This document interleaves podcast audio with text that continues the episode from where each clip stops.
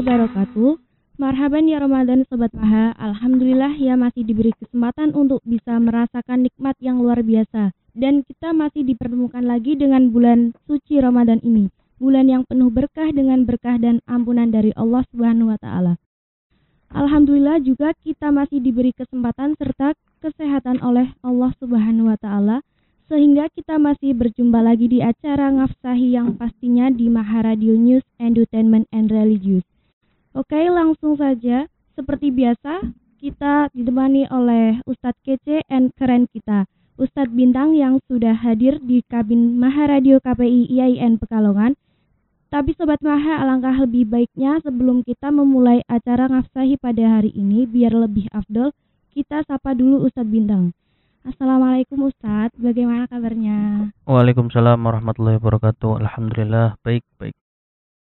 Semoga Pak Ustadz dan Sobat Maha semua selalu dalam lindungan Allah Subhanahu wa Ta'ala. Nah, Sobat Maha, dalam acara ngafsahi ini, Ustadz Bintang akan memberikan sebuah kajian tentang syarat-syarat wudhu. Dalam Islam, mensucikan diri atau biasa disebut dengan toharoh ini sangat berperan penting untuk menentukan diterima atau tidaknya ibadah kita Nah, salah satunya berwudu. Oke, di sini kita akan belajar mengenai syarat-syarat wudu yang di mana pembahasan tersebut akan dikaji oleh Ustadz Bintang pada segmen kedua ini. Dan untuk Sobat Maha yang mempunyai kitab Safinatun Najah juga bisa disimak kita belajar bersama. Jangan lupa buat Sobat Maha yang ingin bergabung langsung aja klik di maharadio.radio12345.com. Dan buat Sobat Maha yang mau bertanya-tanya mengenai pokok bahasan pada episode kali ini, langsung aja bisa menghubungi kami melalui via WA, SMS, atau telepon pada segmen terakhir. Yang pastinya masih dalam nomor yang sama ya Sobat Maha di 0821 3506 7697. Kami ulangi lagi ya di nomor 0821 3506 7697. Kepada Guru Al Ustadz Bintang, kami persilakan untuk memaparkan kajiannya. Tafadhol Pak Ustadz. Bismillahirrahmanirrahim. Assalamualaikum warahmatullahi wabarakatuh. Alhamdulillahirabbil alamin wa bihi nasta'in wa ala umuri dunya waddin wassalatu wassalamu ala rasulillah ajma'in sayyidina wa syafi'ina wa karimina wa tukhrina wa maulana Muhammadin wa ala alihi wa sahabatihi wa man tabi'ahu sunnatahu wal jama'atah min yaumina hadza ila yaumin ba'd wa nahdah. Qala musannif rahimahumullah wa nafa'ana bihi wa bi'ulumihi fid dharain amin. Faslun syurutul wudu'i asyaratun. Alhamdulillah kita telah sampai pada pasal yang membahas tentang syarat-syarat wudu yang ada 10. Pasal utawi iki iku pasal syurutul wudu'i utawi pira-pira syarat wudu iku asyaratun ana 10 Syarat-syarat wudu itu ada 10. Apa saja siji al-islamu iku Islam wa tamyizu lan loro tamyiz. Apa itu tamyiz? Berakal atau bisa membedakan mana yang baik, mana yang buruk wan ulan bersih anil haidi saking haid wan nifasi lan nifas. Yang ketiga adalah bersih dari haid dan nifas. Wa amma yamna'u lan saking barang kang nyegah. Nyegah apa? Usulal ma'i tumakane banyu ilal basyarati maring kulit atau anggota badan. Wa amma yamna'u lan saking barang kang nyegah nyegah wusulal ma'i tumakane banyu ilal basyarati maring kulit. Wa an la yakuna lan nyento ora nana wa an la yakuna lan nana ora nana apa? Alal udwi. Alal udwi ing anggota badan apa ma perkara yughayyiru alal udwi ing anggota badan ma apa ma perkara yughayyiru. Kang wahe kang wahi apa ma? Almaa ing banyu wal ilmu lan ngawruhi bi fardiyatihi kelawan fardune wudu. Wa an la ya'taqidalan yen ta ora nekadaken sapa wong. Nekadaken atau mengiktikadkan sapa wong.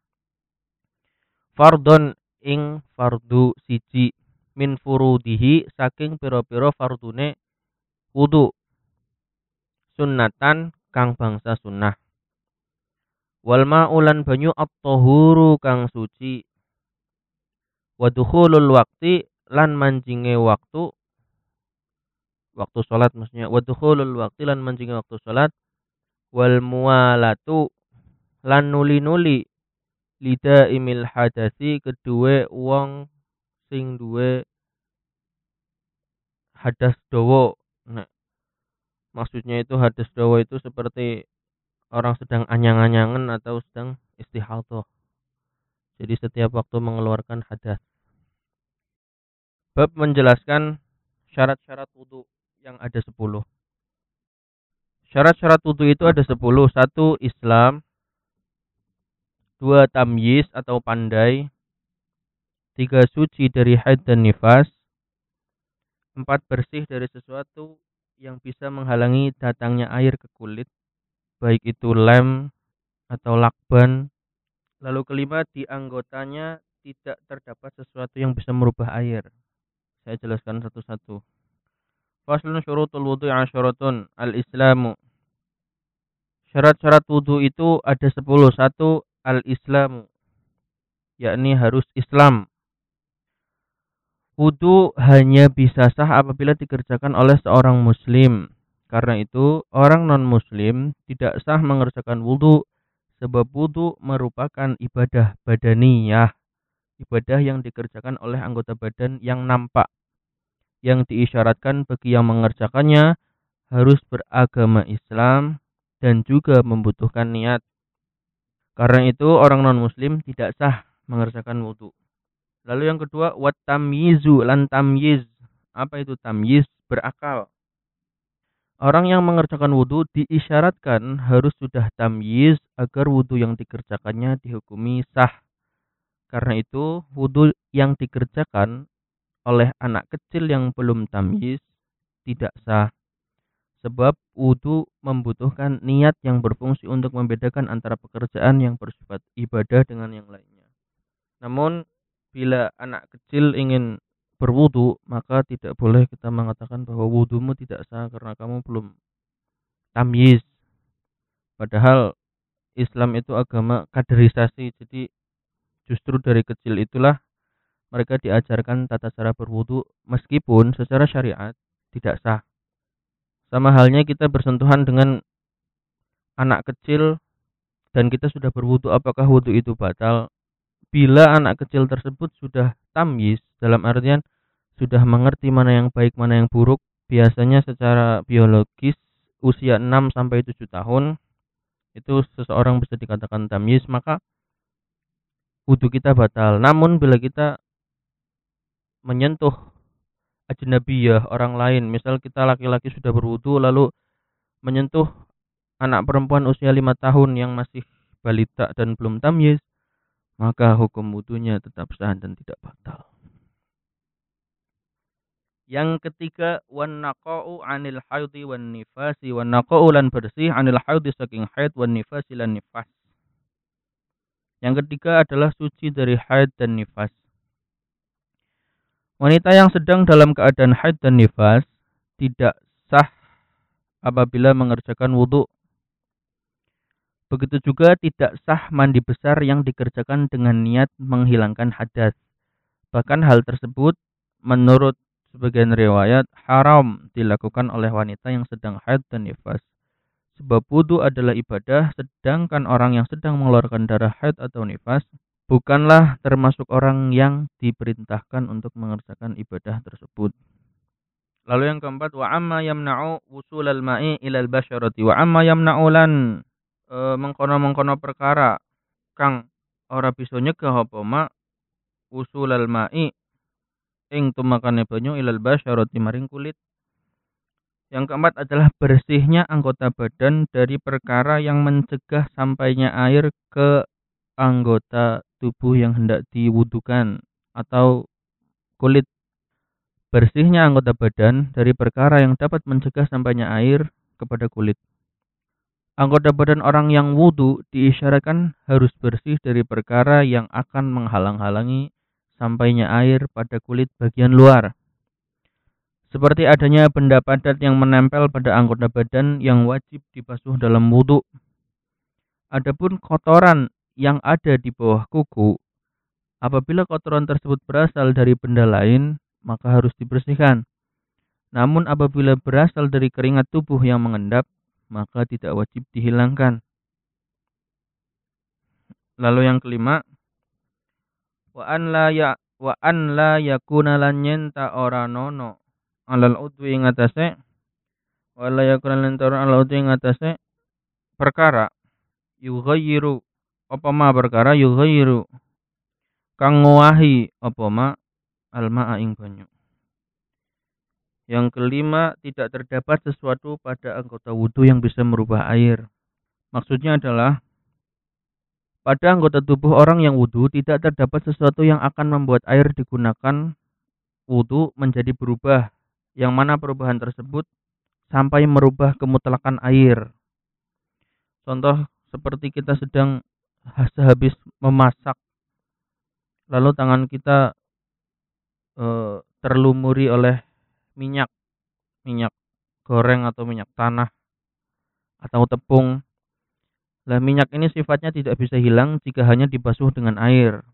Minyak ini harus bisa hilang jika sifatnya dibasuh dengan pasir atau sabun. Bila tangan kita sampai siku tertutup oleh minyak, maka wudhunya dihukumi tidak sah. Namun bila hanya jari-jari kita atau dalam kurung sebagian kecil dari anggota wudhu, maka hukumnya tetap sah. Namun alangkah baiknya cuci bersih dahulu minyaknya agar hilang lalu baru kita melaksanakan wudhu. Yang kelima wa an la ya'taqidalan nyento ora nekadaken tidak mengi'tikadkan, tidak meyakini fardon ing fardu siji min furudihi saking pira-pira fardune wudu sunatan ngecap bangsa sunnah. Lalu yang keenam, mengetahui kewajiban wudhu. Orang yang wudhu tidak boleh meyakini bahwa apa yang seharusnya fardu dia anggap sebagai sunnah. Ulama-ulama terdahulu itu melaksanakan sunnah karena mereka tahu itu adalah sunnah. Tapi orang-orang sekarang tidak melaksanakan sunnah karena tahu bahwa itu hanya sunnah.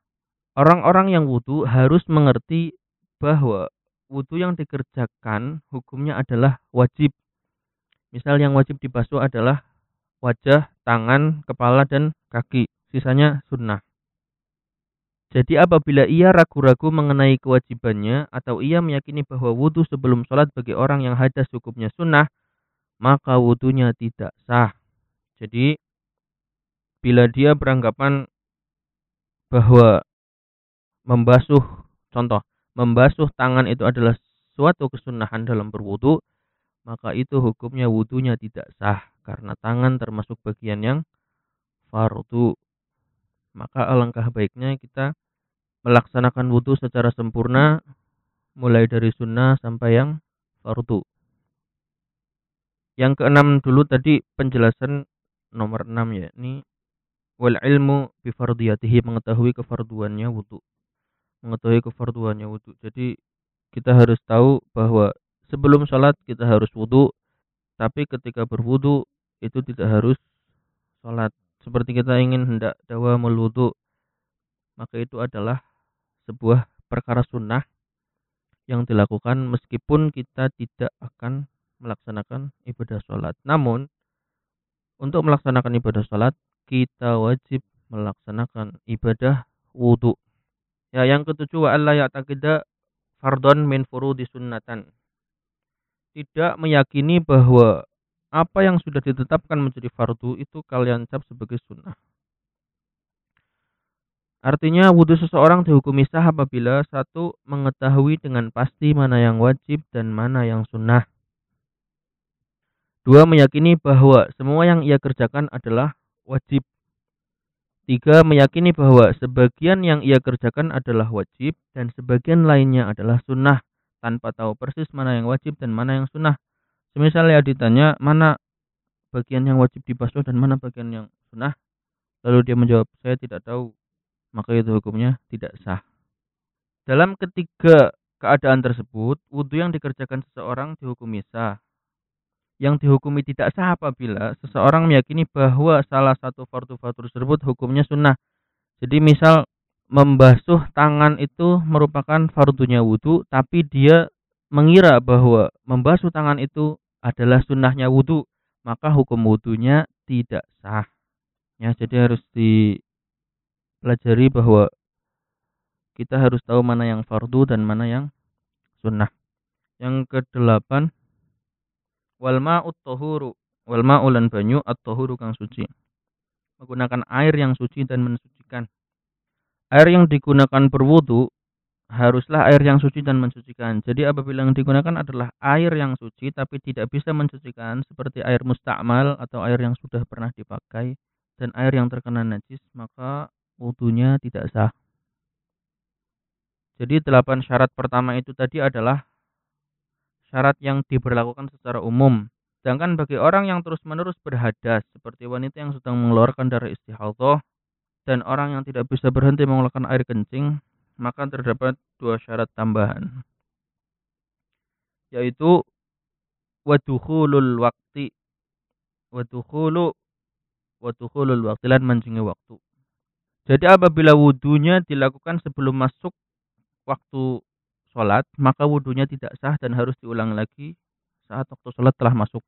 Jadi kalau kita mengeluarkan darah istihadah atau sedang anyang-anyangan, itu kan kita tidak bisa mengendalikan kapan air atau darah itu akan keluar dan kita tidak tahu kapan air dan darah itu akan keluar. Maka hukum berwudu ketika kita sedang istihadah atau anyang-anyangan itu wudhunya tidak sah karena dikhawatirkan mubazir air setiap wudhu langsung batal wudhu lagi batal lagi. Lah itu kan mubazir.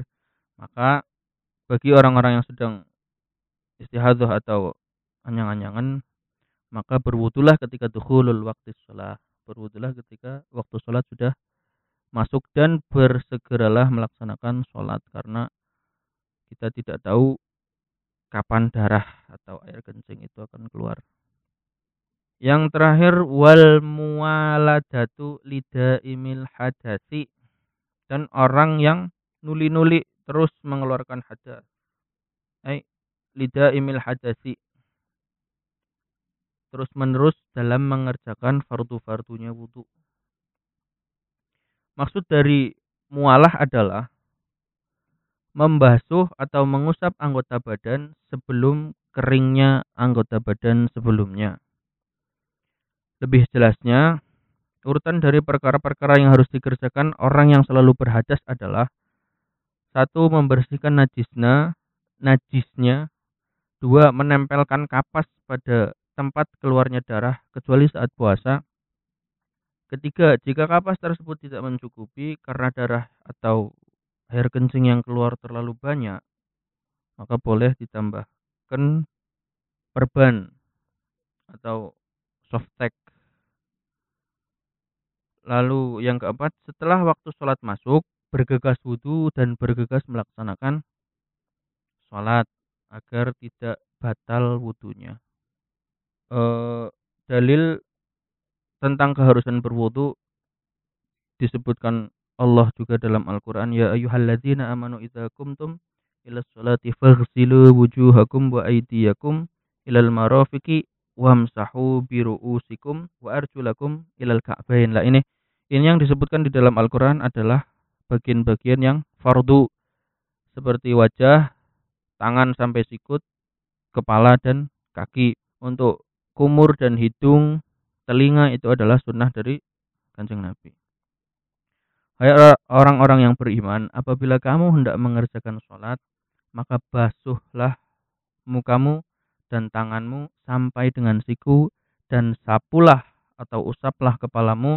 Lah di dalam sapulah wamsahu biru usikum sapulah kepala-kepalamu itu tuh ada dua pendapat yang kuat yakni Imam Malik dan Imam Syafi'i menurut Imam Syafi'i basuhlah cukup yang penting wilayah kepala itu terkena air jadi misal kita melaksanakan wudhu lalu hanya nyiprat-nyiprat ke rambutnya itu menurut Syafi'i dihukumi sah namun menurut Imam Maliki yang notabene adalah guru dari Imam Syafi'i sendiri e, wamsahu usikum itu artinya seluruh kepala sampai kulit-kulitnya disiram dengan air. Namun kebanyakan orang Indonesia menggunakan madhab Syafi'i karena lebih mudah. Dan basuh kakimu sampai dengan kedua mata kaki. Quran surat Al-Maidah. Wallahu a'lam bishawab. Baik Pak Ustadz, terima kasih atas pemaparannya. Masya Allah luar biasa kajian kitab Safinatun Najah dari beliau. Alhamdulillah saya dan Sobat Mahas semua sudah banyak sekali mendapatkan ilmu dan dari beliau. Mudah-mudahan kita dapat mengambil pelajaran serta hikmah dari apa yang telah disampaikan. Nah, bagi Sobat Mahas di mana pun Sobat berada, silakan bagi yang mau bertanya kepada beliau, kami beri kesempatan setelah jeda berikut ini. Dan jangan lupa bisa menghubungi kami via WA, SMS, dan layanan di telepon di nomor yang sama 082135067697. Kami ulangi lagi ya di nomor 082135067697. Baik Sobat Maha, pendengar Sia Maharajo di mana pun Sobat berada, kita akan kembali setelah jeda berikut ini. Sebelumnya kita dengarkan terlebih dahulu lagu dari Maher Zain Ramadan. Tetap bersama kami di Maharadio News Entertainment and Religious.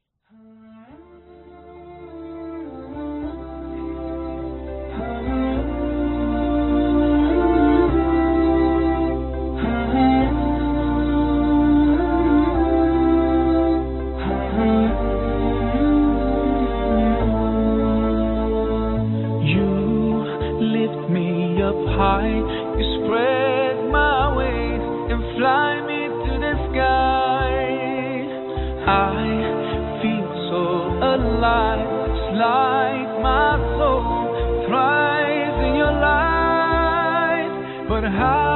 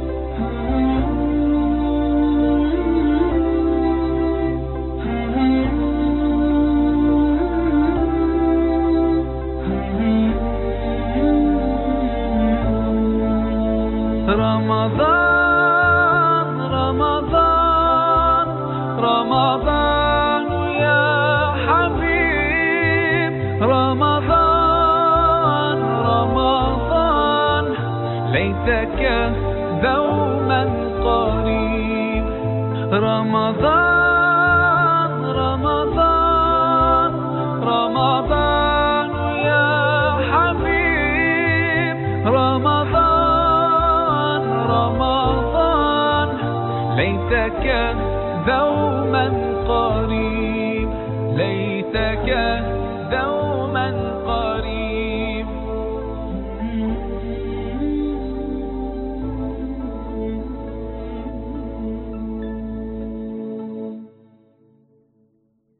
Kembali lagi di Maharadio News Entertainment and Religious. Terima kasih banyak masih di acara Ngafsahi bersama Ustadz Bintang dengan kajian kitab Safinatun Najah. Alhamdulillah sekarang sudah memasuki sesi pertanyaan. Saya ingatkan lagi buat Sobat Maha yang mau bertanya kepada beliau bisa melalui via WA, SMS, dan layanan telepon di nomor yang sama 0821 3506 7697. Kami ulangi lagi di nomor 0821 3506 7697. Baik Pak Ustadz, ternyata sudah banyak sekali yang bertanya dari Pekalongan dan sekitarnya nih Pak Ustadz. Sebagai pertanyaan pertama dari via WA nih Pak Ustadz. Assalamualaikum warahmatullahi wabarakatuh. Nama saya Wanda dari mahasiswa IAIN Pekalongan. Saya ingin bertanya, jika kita akan mengerjakan sholat, kemudian tiba-tiba air mata dan yang tersisa air yang kurang lebih hanya seember dan itu pun berwarna keruh, apakah dianjurkan untuk tayamum atau tetap menggunakan air tersebut? Terima kasih. Ya, bismillahirrahmanirrahim. Apabila kita hendak melaksanakan wudhu, lalu tiba-tiba air mati dan yang tersisa hanya air di dalam ember itu pun keruh. Seperti yang dijelaskan di sini.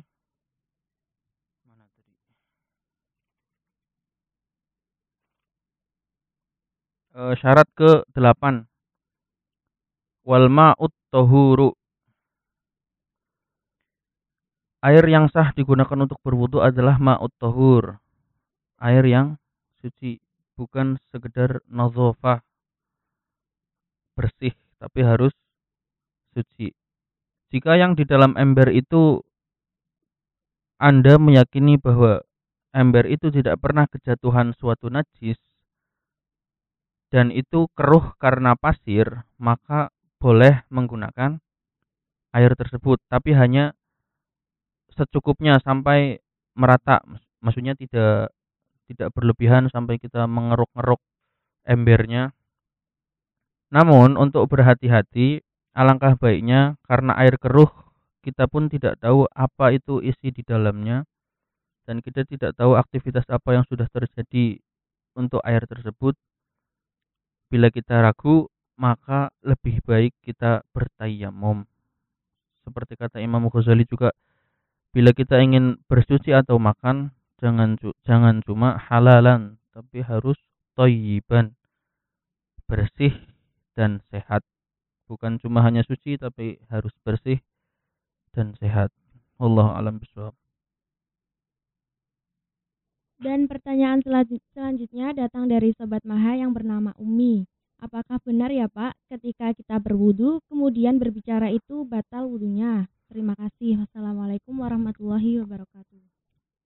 Ya, bismillahirrahmanirrahim. Dalam kitab I'anatul Talibin, hanya disunahkan untuk tidak berbicara. Jadi tidak wajib bila kita tidak memiliki hajat yang penting dalam berwudu, maka tata keramanya karena wudu adalah suatu ibadah, wadahnya ibadah, syarat sah kita melaksanakan sholat adalah kita wudhunya sah. Jadi wudhu termasuk sebuah ibadah. Tata keramanya memang menurut I'anatul Talibin sunnah untuk tidak berbicara. Namun jika melihat keadaan, misal kita sedang berwudu lalu melihat orang buta berjalan sendirian menuju sumur. Bila kita tidak berbicara, maka orang tersebut akan nyemplung.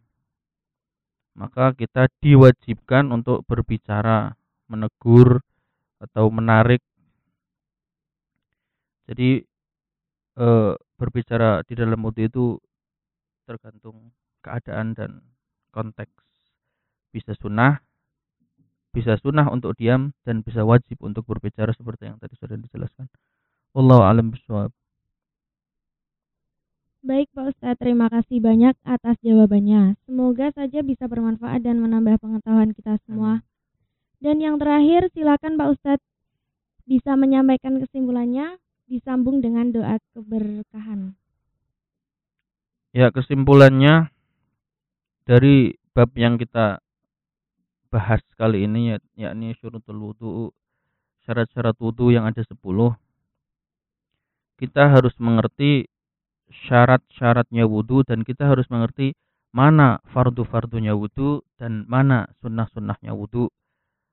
Karena wudhu adalah sebuah wadah ibadah awal yang menentukan sah atau tidaknya ibadah wajib yakni sholat. Bila kita melaksanakan wudhu asal-asalan namun meskipun kita sholatnya dengan sangat khusyuk misal sholat 4 rakaat kita kasih bonus 5 rakaat. Meskipun sekhusyuk itu tapi wudhunya tidak sah maka sholatnya tidak sah. Jadi penting penting diutarakan. Yang penting pertama itu adalah wudhu wudhunya harus sah. Dan untuk laki-laki atau perempuan yang tidak anyang-anyangan atau tidak beristihadah alangkah baiknya perbanyak wudhu atau dawamul wudhu. Karena ketika kita melatih diri untuk dawamul wudhu, maka wudhu kita akan sempurna dengan sendirinya karena kita terbiasa. Dan lebihnya kita bisa mengetahui mana yang benar-benar fardu dan mana yang sunnah agar kita tidak salah menganggap bahwa yang fardu ini adalah sunnah, bahwa yang sunnah ini adalah fardu. Mungkin seperti itu. Wallahu a'lam bishawab. Allahumma shalli wa sallim barik ala sayyidina Muhammad wa ala sayyidina Muhammad alhamdulillahi rabbil alamin.